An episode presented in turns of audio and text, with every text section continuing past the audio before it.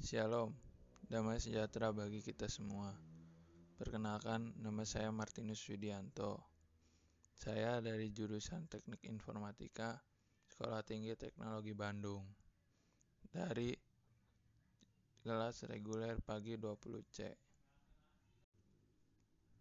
Di sini saya akan menjelaskan apa itu peralatan input dan apa itu peralatan output. Juga, apa pentingnya peralatan output dan input tersebut? Komputer memiliki perangkat yang terdiri dari perangkat input dan output. Perangkat input dan output mempunyai peranan penting masing-masing dalam mengerjakan fungsinya. Oke, yang pertama timbul pertanyaan, apa sih output dan input?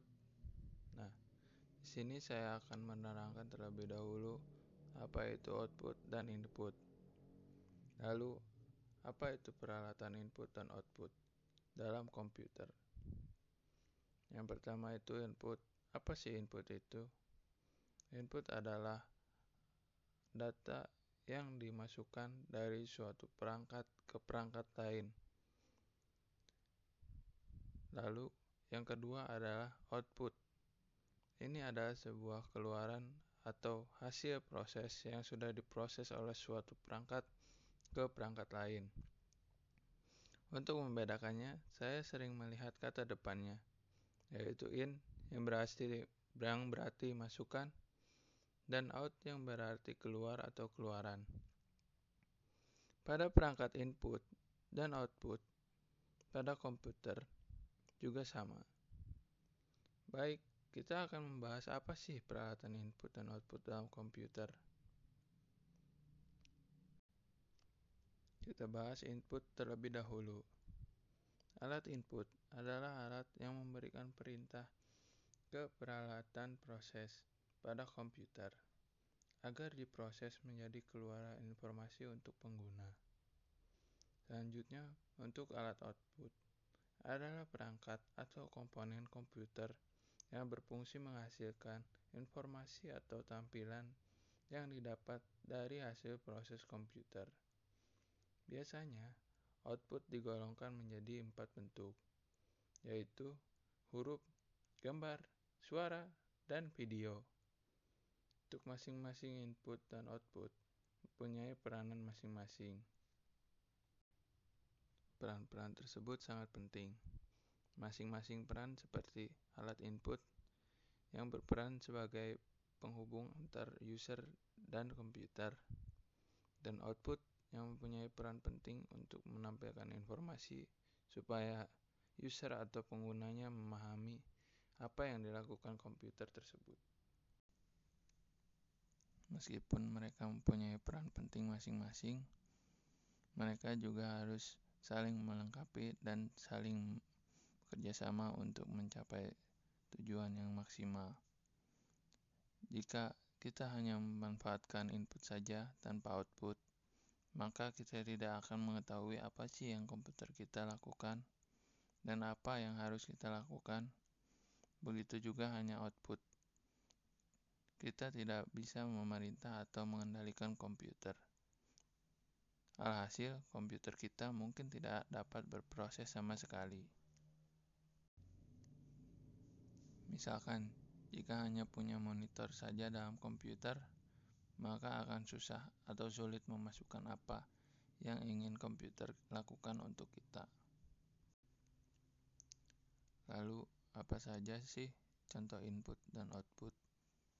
Untuk input ada keyboard, mouse, joystick, scanner, barcode reader, optical pen, mikrofon, dan untuk output ada headset, headphone, earphone, printer, monitor, dan proyektor.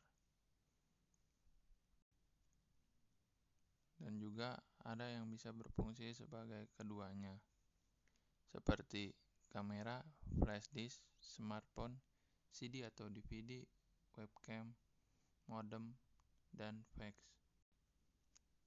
Kita ambil contoh keyboard untuk inputan. Kenapa kok keyboard dibilang inputan?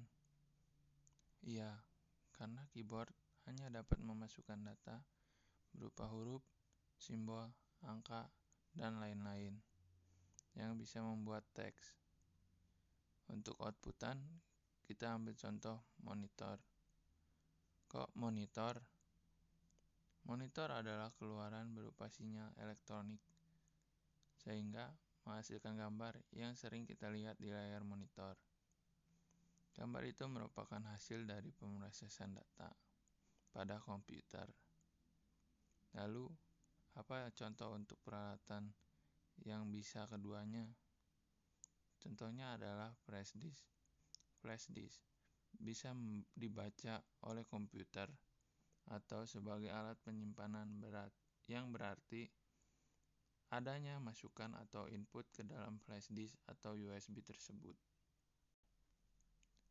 Selain flash disk, ada lagi yang sehari-hari kita gunakan, yaitu smartphone kita, yang monitornya atau touchscreen-nya bisa kita interaksi, sekaligus dapat mengeluarkan gambar atau informasi lain yang bisa dilakukan secara bersamaan. Misalkan kita menekan layar, lalu layar itu akan melakukan timbal balik kepada kita yang berupa output pada layar tersebut juga. Sekian dari saya, semoga ilmu yang saya sampaikan dapat diterima dan dapat bermanfaat untuk kita semua. Terima kasih telah mendengarkan sampai akhir. Maaf apabila ada salah kata maupun ucapan, baik disengaja maupun tidak sengaja. Sampai jumpa. Terima kasih.